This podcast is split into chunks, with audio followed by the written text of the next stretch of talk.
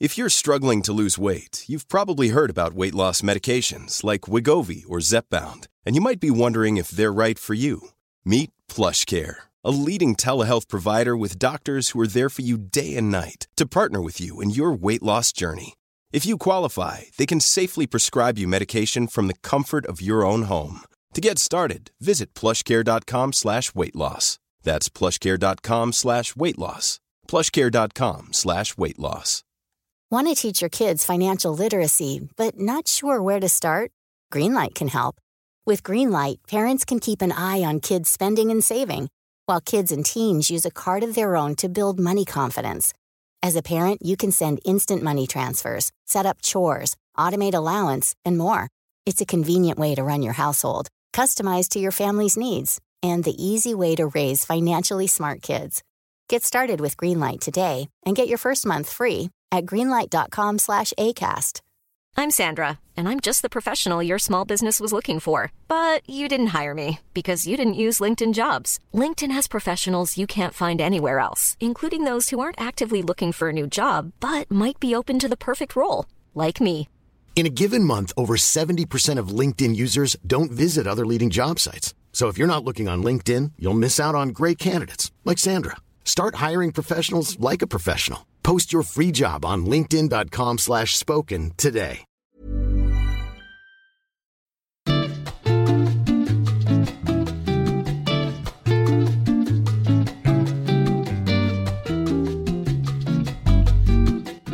Välkommen till Ridsportpodden Sommarspecial. Idag ska vi höra Monica Lindstedt, entreprenör och uppfödare som pratar om rasen hon fastnade för och dess fascinerande historia och hur hon gör för att försöka ta dressyraveln framåt.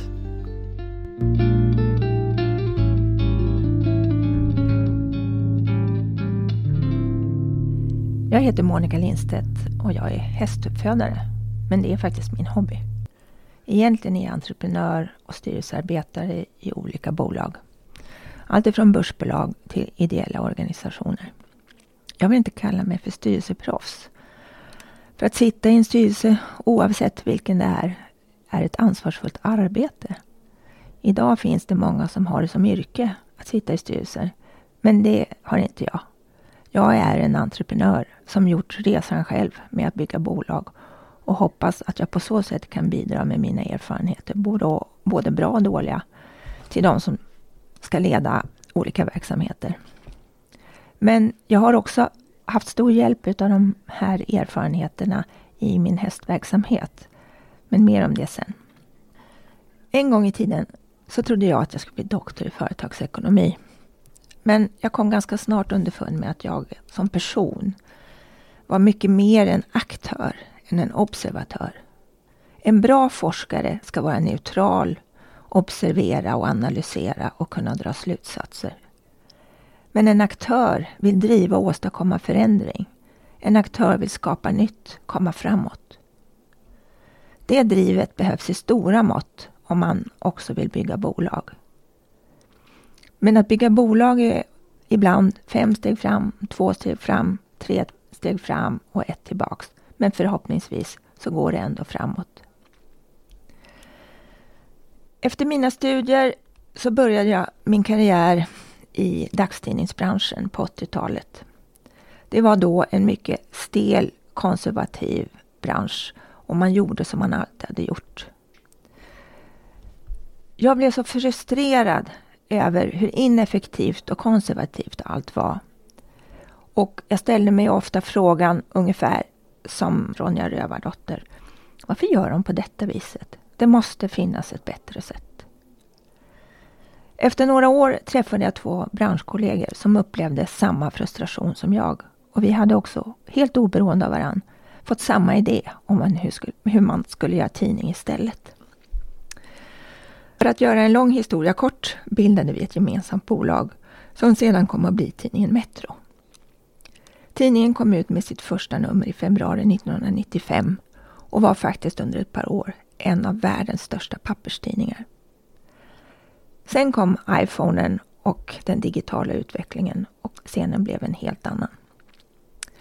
När jag så småningom sålde min del av Metro till Jan Stenbecks Kinnevik så fick jag lite ekonomiskt andrum. Och eftersom jag under tiden med Metro hade insett att jag nog borde fortsätta som entreprenör, för det var då jag kom till mig rätt, så tog jag tag i en idé som hade legat och grott i mitt bakhuvud en längre tid.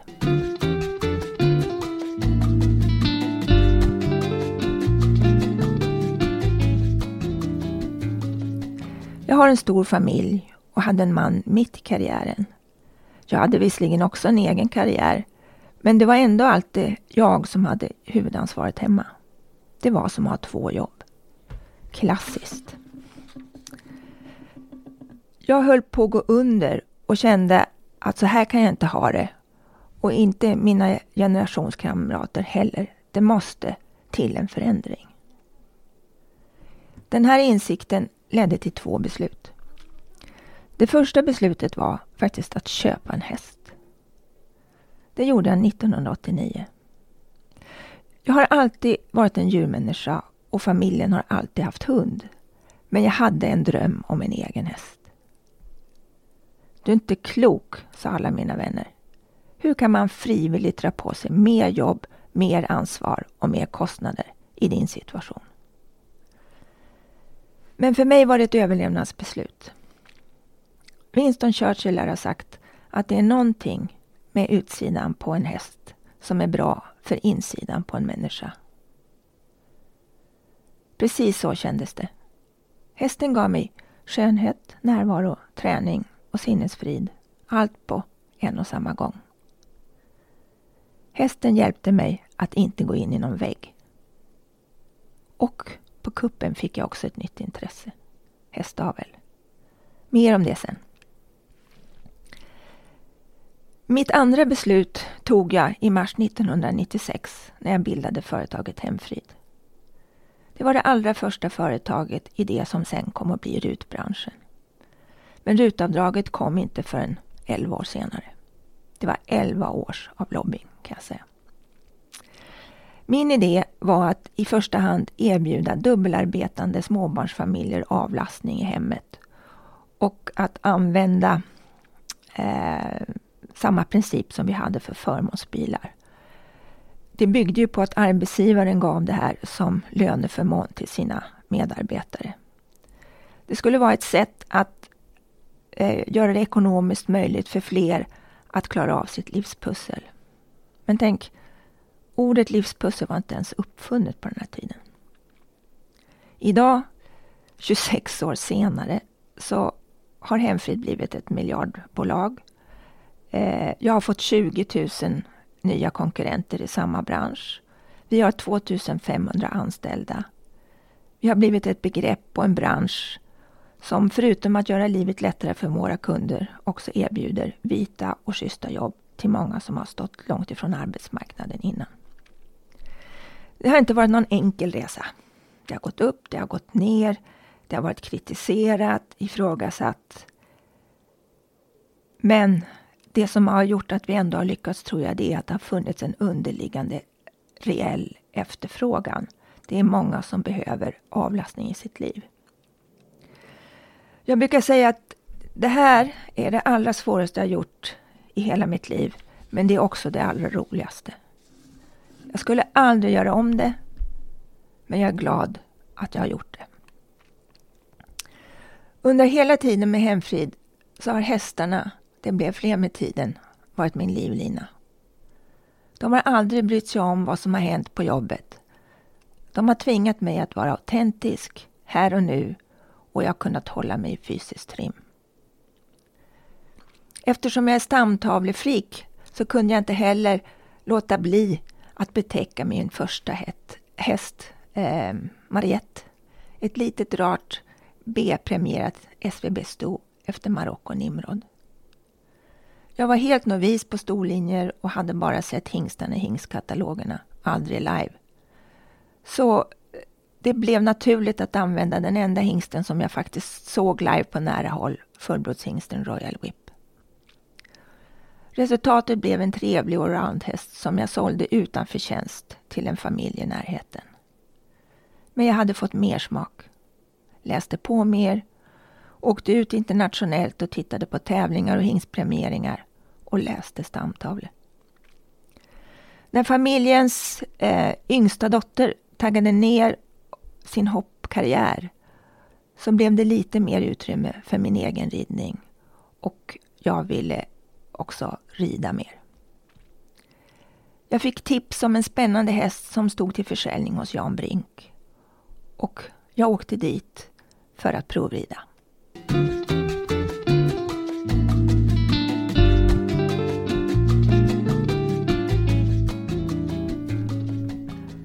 Det var en holländsk moderlivsimport med udda härstamning. Han var efter Calimero president och fullblodet Millroll och hette Sankor. Pappan Calimero var hopphingst i KVPN och president var Gelderländer och sedan kom fullblodet i tredje led. Jag tyckte han var avlad lite kors och tvärs men eftersom han var vallack så spelade det ju inte så stor roll. När jag köpte honom var han sju och hade aldrig tävlat. Man kan inte säga att han var vacker, men rörlig och han hade en fin blick och extremt lätt för samling. Två år senare gick han med mig, som är en ren amatör på hästryggen, sin första tävling. En medelsvår B3 på regional tävling i Tierp. Ingen kunde ana att den här hästen tre år senare skulle bli tia i OS i Aten 2004. När alla familjens barn var utflugna bestämde min man och jag att vi skulle bo mer på landet, för jag ville rida mer och jobba mindre. Men att bygga hemfrid tog så mycket kraft och tid att det blev tyvärr precis tvärtom. Jag jobbade mer och red mindre. Samtidigt insåg jag att jag satt på en häst som hade mycket mer talang än vad jag kunde förvalta. Och jag kom fram till att jag nog borde sätta honom i proffsträning. Så småningom hittade Sankor och Per Sangård varann och de blev en perfect match. Det var en fantastisk upplevelse att vara med om hela den resan. Från Tierp till OS och uppleva sin häst och pilot leverera på den allra högsta nivån. Den enda smolken i bägaren var att Sankor och Per tävlade för Danmark eftersom Per då var dansk medborgare. Men där och då bestämde jag mig för att jag skulle utmana mig själv och försöka föda upp en häst med samma potential som Sankor. Att sikta på att föda upp hästar för internationell Grand Prix. Men det är så svårt. Att föda upp hästar är ungefär som att ha ett riskkapitalbolag. En riskkapitalist gör tio investeringar. Man försöker göra allt rätt. Men erfarenheten visar att av tio investeringar går två åt skogen. Sex går plus minus noll och två kan förhoppningsvis bli framgångar som helst ska betala hela kalaset. Att föda upp hästar är till och med svårare än att vara riskkapitalist. Förutom att själva hästen ska ha potential så måste du hitta rätt köpare och rätt pilot som dessutom är beredda att vara långsiktiga och förstå vad det kostar i termer av tid, pengar och allt engagemang runt omkring.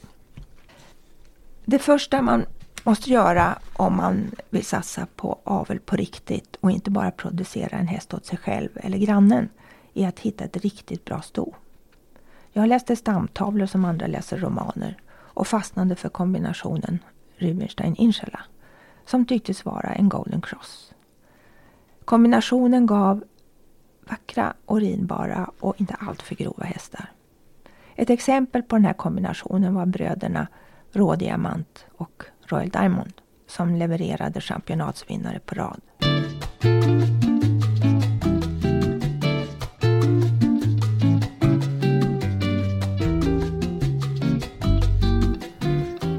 Varje kväll satt jag framför datorn och letade på det nya mediet internet.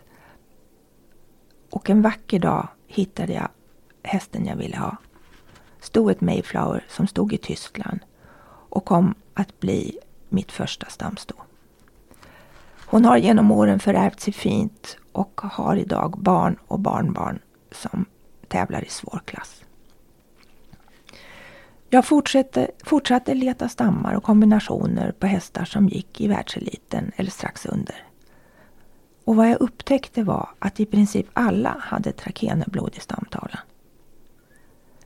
Jag blev så intresserad av rasen att jag började läsa på ännu mer och åkte till Trakener hängstmakt och blev helt trollbunden av den här ridhästrasens historia. I korta drag är historien den att den preussiske kungen Friedrich Wilhelm den förste som levde mellan 1688 och 1740 eh, han kallades också för soldatkungen för att han var väldigt intresserad av effektivitet och militären. Han tyckte det var för dyrt att köpa in hästar från Iberiska halvön. Istället lät han bygga upp ett antal stadsstuterier där hingstarna hölls och utbildades och sen eh, kontrakterades bönderna i området att hålla ston för avel. Området som kallades Trakenen låg mitt emellan Polens idag västra gräns och Litauen. Målsättningen var att producera hästar till militärens alla ändamål. Man tog in beskällare från England och Arabiska halvön som man mycket medvetet och systematiskt korsade med de inhemska storna som kallades för Schweike. Det blev ett mycket framgångsrikt projekt. Eh, rasen blev världsberömd och framförallt som ridhäst. Och den preussiska armén blev i princip självförsörjande på hästmaterial ända fram till andra världskriget. Mina trakenerston som jag har i avel kan jag följa tillbaka till 1732 då huvudstöteriet grundades. Det finns katalogiserat eh, ston, avkommor och prestationer med preussisk noggrannhet generation efter generation. Men det mest fascinerande med rasen är ändå hur förbundna hästarna har varit med de familjerna som de levde med. De blev liksom en del av familjen och presterade såväl i lantbruket som i aveln och blev också en viktig inkomstkälla för bönderna som sålde avkommorna, remonterna, till armén. Många av storstammarna är än idag uppkallade efter de gårdar där de föddes. Selling a little or a lot? Shopify helps you do your thing however you cha-ching. Shopify is the global commerce platform that helps you sell at every stage of your business. From the launch your online shop stage to the first real life store stage, all the way to the did we just hit a million orders stage. Shopify is there to help you grow. Shopify helps you turn browsers into buyers with the internet's best converting checkout. 36% better on average compared to other leading commerce platforms because businesses that grow grow with Shopify. Get a $1 per month trial period at Shopify.com slash work. Shopify.com slash work. How would you like to look 5 years younger? In a clinical study, people that had volume added with Juvederm Voluma XC in the cheeks perceived themselves as looking 5 years younger at 6 months after treatment. Look younger, feel like you. Add volume for lift and contour in the cheeks with Juvederm Voluma XC. Reverse signs of aging by adding volume to smooth laugh lines with Juvederm Volure XC. For important safety information and to find a licensed specialist, visit juvederm.com. That's J U V E D E R M.com. Not for people with severe allergic reactions, allergies to lidocaine, or the proteins used in Juvederm. Common side effects include injection site redness, swelling, pain, tenderness, firmness, lumps, bumps, bruising, discoloration, or itching. There's a risk of unintentional injection into a blood vessel, which can cause vision abnormalities, blindness, stroke, temporary scabs, or scarring. Talk to a licensed specialist to find out if it's right for you. Hey, I'm Ryan Reynolds. Recently, I asked Mint Mobile's legal team if big wireless companies are allowed to raise prices due to inflation. They said yes. And then when I asked if raising prices technically violates those onerous two year contracts, they said, What the f are you talking about, you insane Hollywood ass? So to recap, we're cutting the price of Mint Unlimited from $30 a month to just $15 a month. Give it a try at mintmobile.com slash switch. $45 upfront for three months plus taxes and fees. Promo for new customers for limited time. Unlimited more than 40 gigabytes per month. Slows. Full terms at mintmobile.com. Get up to 30% off wedding jewelry at BlueNile.com and remember the joy of your wedding day forever. Blue Nile offers everything from diamond and lab grown diamond wedding bands to classic pearls, earrings you can design yourself, even gorgeous sapphire pieces for your something blue. Whatever you choose, Blue Nile's pieces are all graded for excellence for a lasting memento as brilliant as the love that inspired it. Right now, get up to 30% off at BlueNile.com. BlueNile.com. Since 2013, Bombas has donated over 100 million socks, underwear, and t shirts to those facing homelessness.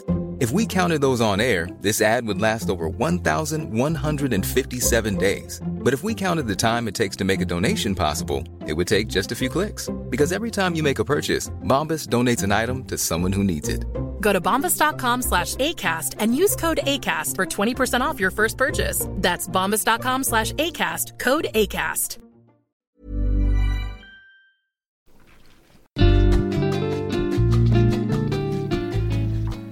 Innan andra världskriget uppskattade man att det fanns mer än 25 000 trakenerhästar. Efter andra världskriget fanns det bara en bråkdel kvar. Och eh, de som överlevde lyckades fly till väst. Det, är en, det finns en mytos kring just den här flykten som eh, alla som har, är förbundna med rasen kommer ihåg och det var hur man lyckades fly över havet vintern 1944 med häst och vagn. Och flykten lyckades eh, egentligen bara genom att eh, det var så kallt så att isen låg eh, på havet. Det var en konvoj med människor och vagnar som lyckades ta sig över till väst.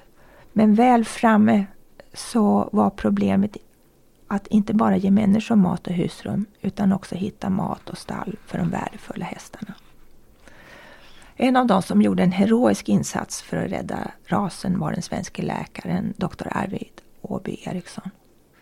Han hade länge haft kontakt med eh, trakener och köpt in ston och hingstar eh, därifrån för att förbättra den svenska storstammen.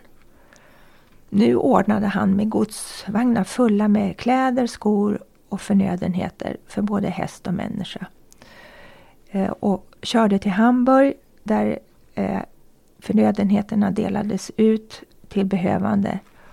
Och med sig hem tog han flera av de mest värdefulla hingstarna som behövde en ny hemvist. Till exempel Anno, Herristal, Immeforan och Paul Larsten. Det finns andra SVB-hingstar med stor andel trakenerblod eh, som man kanske inte tänker på. Till exempel Jaramas, Nepal, Niarkos, Nimrod. Nimrod som var morfar till min allra första häst. Dr. Åby Eriksson själv lär ha konstaterat att i princip alla SVB-hästar har trakenerblod i sina ådror. Och det är ju inte många som vet eller känner till idag. SVB har mycket att tacka trakenarna för. Men även i nutid spelar rasen en stor roll som förädlare men också som tävlingsindivid och prestationshäst. För att räkna upp några av världshästar med mycket trakenerblod så kan man nämna Monica Teodoreskos Renaissance Fleur som vann flera världscupkval i början på 00-talet Blue Horse med Andreas Hellstrand eller Totilas som förtrollade en hel värld. Och nu senast OS-guldmedaljören Dalera som är en ren trakener. Det finns också hingstar som har gjort avtryck i alla avelsförbund. Den kanske viktigaste är Costolani som är far till Gribaldi. Gribaldi är i sin tur far till Easy Game som är far till Dalera och Millennium. Millennium är född 2008 och har redan över 60 godkända söner i i princip alla avelsförbund. Trakeneförbundet är en community där väldigt många är engagerade fans och uppfödare i generationer som värnar om rasens historia. Man har till och med lyckats att få rasen godkänd av Unesco som ett världsarv. Stamboken är till skillnad från många andra avelsförbund stängd. Det vill säga man får inte eh, ta in andra hingstar i aveln om det inte är ädelblod, till exempel arab, anglo eller fullblod, engelsk fullblod. Det är både bra och dåligt i min värld. Risken är trots allt att avelsbasen blir för smal. Men just det här problemet gäller förstås inte bara Trakeneförbundet. Alla avelsförbund numera har problemet med att avelsbasen blir för smal. Och det beror inte på stängda stamböcker utan på att matatoraveln är så utbredd. Och med det kommer inte bara sundhetsproblematik utan också temperamentsproblem.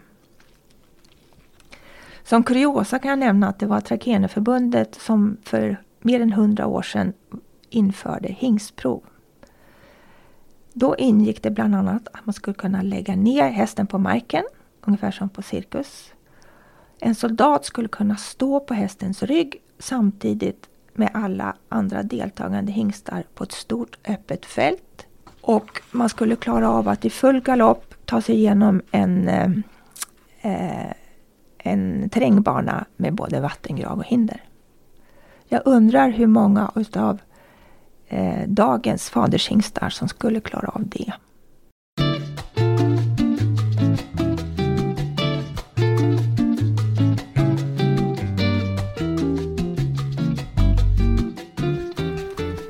Själv avlar jag idag mest rena trakener och halvtrakener. Jag är väldigt glad i deras människotillvända karaktär och intelligens. Men de är inga sportredskap. De vill ha en relation. De vill ha en ärlig och schysst behandling och får de det så ger de samma sak tillbaka. Jag har faktiskt också ett hoppsto. Hon är resten av min dotters hoppkarriär. Men det är faktiskt ett riktigt bra avelssto med intressant stam. Som jag sa i början av podden är jag väldigt nyfiken och vill helst hela tiden se framåt. Hur kan man förbättra aveln? Få fram sundare, mer hållbara hästar som kan prestera på tävlingsbanorna utan att det måste sitta ett fullblodsproffs på ryggen. Att föda upp hästar som bara kan ridas av proffs är en ekonomisk återvändsgränd. Alltså, går det att tänka utanför boxen. En ras som jag länge varit väldigt nyfiken på är Lusitanon. Jag började som vanligt med att läsa på och bestämde mig till slut för att åka ner till Portugal för att prova själv. Jag ska erkänna att jag blev lika förundrad och betagen av de här hästarna som jag en gång blev när jag kom in i trakenevärlden. Det är klart att det finns individuella skillnader. Men överlag är det väldigt vänliga och stabila hästar. Men absolut inte lata. När du får en lusitan att göra piaff och passage är det en överjordisk känsla. Det är så mycket power i jämförelse med de nordeuropeiska varmbloden som jag suttit på innan. Men som sagt, jag är inte proffs på hästryggen. De iberiska raserna peri och Lusitano har länge betraktats med viss skepsis av de riktiga dressyrmänniskorna. Och det var först 2005 som den första Lusitanon eh, deltog i ett större internationellt mästerskap. Man har haft synpunkter på de här hästarnas förmåga till längning och deras väldigt korta skritt. Men eh, deras avelsarbete har gått stadigt framåt och på OS i Tokyo fanns det två portugisiska ekipage med. Siktet har deras förbund inställt på Paris och jag tror de kommer att bli farliga. Det görs från den portugisiska statens sida en stor satsning på att få fram internationella ekipage. Och man har också anlitat Kyra Kyrklund som coach och tränare. Vid sista träningskampen hade de 27 potentiella eh, internationella ekipage. Det kanske är så att en Lusitano kanske inte kommer att vinna unghäst-VM, men de kommer alltid kunna hävda sig i en femstjärnig Grand Prix. Sverige borde titta mer utanför våra egna gränser och se vad som händer utanför vår egen port. Jag vet att det görs tappra försök och bland annat Lövsta har gjort fantastiska insatser med hingstimporter och tävlingsserier i både dressyr och hoppning. Men det tar liksom inte fart. Jag tycker att vi som avelsförbund har stagnerat eller rättare sagt stått still eh, beroende på hur man ser det. Vi som har varit en dressyrnation med stolta traditioner har blivit omkörda. Idag ligger till exempel Danmark långt före oss när det gäller att få fram många internationella ekipage, både ryttare och hästar. En DVB-häst står högt i kurs, även internationellt. Jag tror att hemligheten har varit att de vågar tänka nytt och vara i framkant. Jag tror inte danskarna har en aning om vad jantelagen är för någonting. Varför är en hingstkåring i Härning så stort och ett så stort och internationellt event medan SVBs hingstprov genomförs med i princip tomma läktare och ingen internationell publik.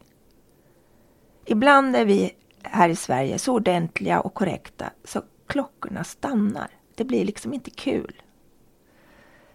Men en bra sak har ändå hänt och det är att vi äntligen har ändrat hingstbedömningsreglementet så att fler hingstar får chansen. Jag säger må bäste förärvare vinna. Men det kanske inte är den för dagen bästa individen. Den för dagen bästa individen är ofta en slutprodukt. Det är så många hingstar som är bättre förärvare än vad de är själva och så många segerhingstar som inte lever upp till förväntningarna.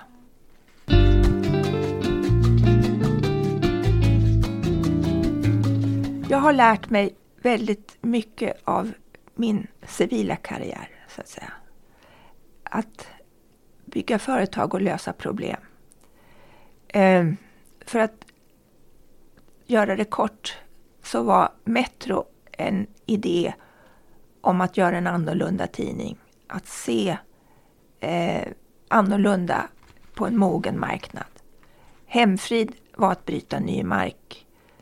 Men det var också som att bygga en bil utan instruktionsbok, köra den och bygga vägen samtidigt. Vad jag har lärt mig på de här två eh, erfarenheterna, det är att försöka se det alla ser och göra det ingen har gjort förut. Ingen av de här idéerna är rocket science, utan det är liksom vanligt sunt förnuft.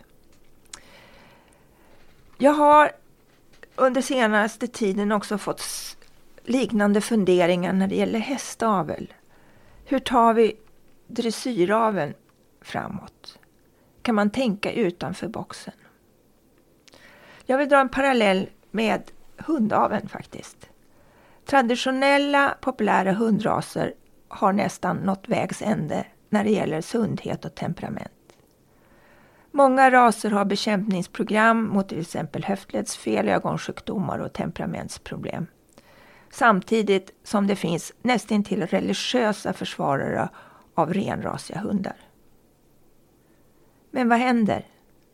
Vanligt folk tar saken i egna händer. Man korsar en labrador med en pudel och får den bästa av två världar. En labradoodle. En blandras som blivit så populär att den kostar tre gånger så mycket som en renrasig valp av ursprungsraserna. Numera finns det alla sorts blandningar.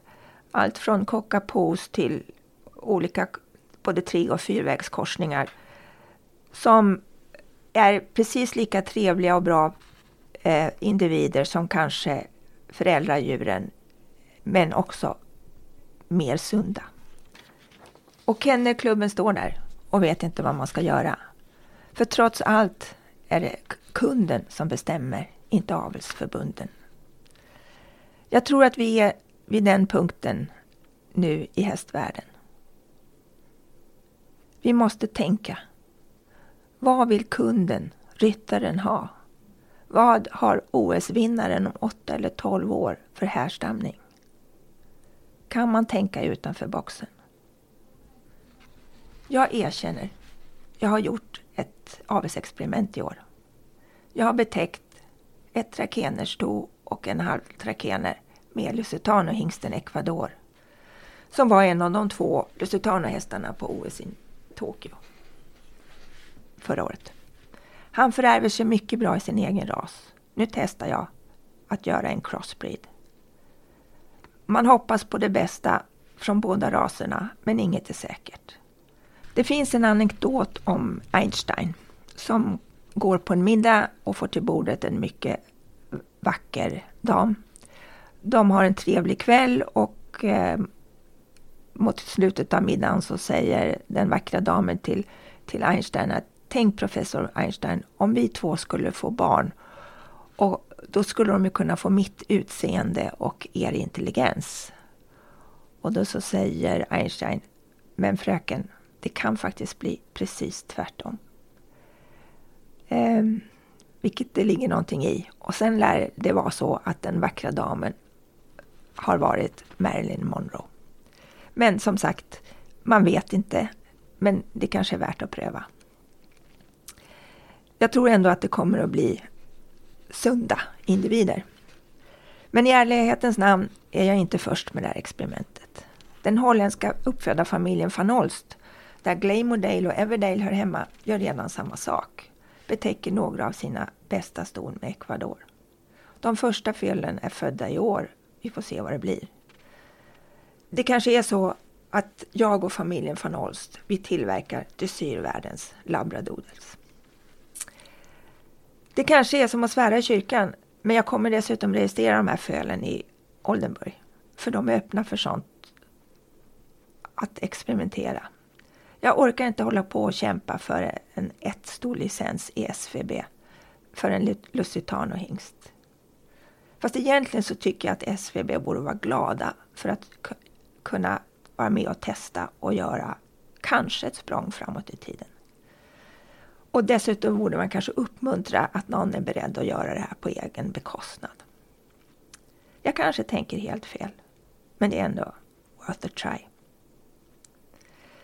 Jag vill dock understryka att det fortfarande är så att en bra häst är en bra häst.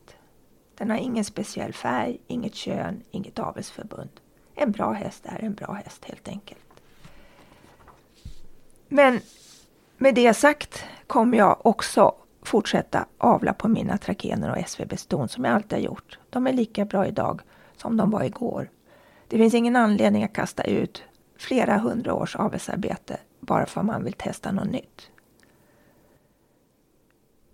Men det jag har svårt för, det är när man blir hemmablind och intolerant mot allt nytt och eh, kritiserar de som vill komma vidare.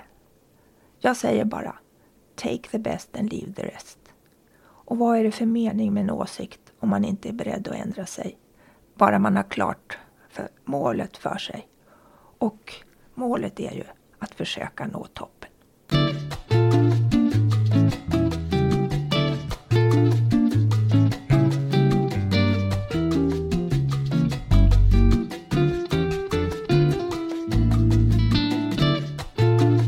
Entreprenören och uppfödaren Monica Lindstedt fick avsluta Ridsportpodden Sommarspecial. Jag som har producerat och bearbetat heter Anna Nyberg. Alla åtta avsnitt finns att lyssna på när du vill. Om du har missat Ponnypappan eller Ulrika Forius, Paulinda Friberg eller någon annan i Ridsports sommarspecial.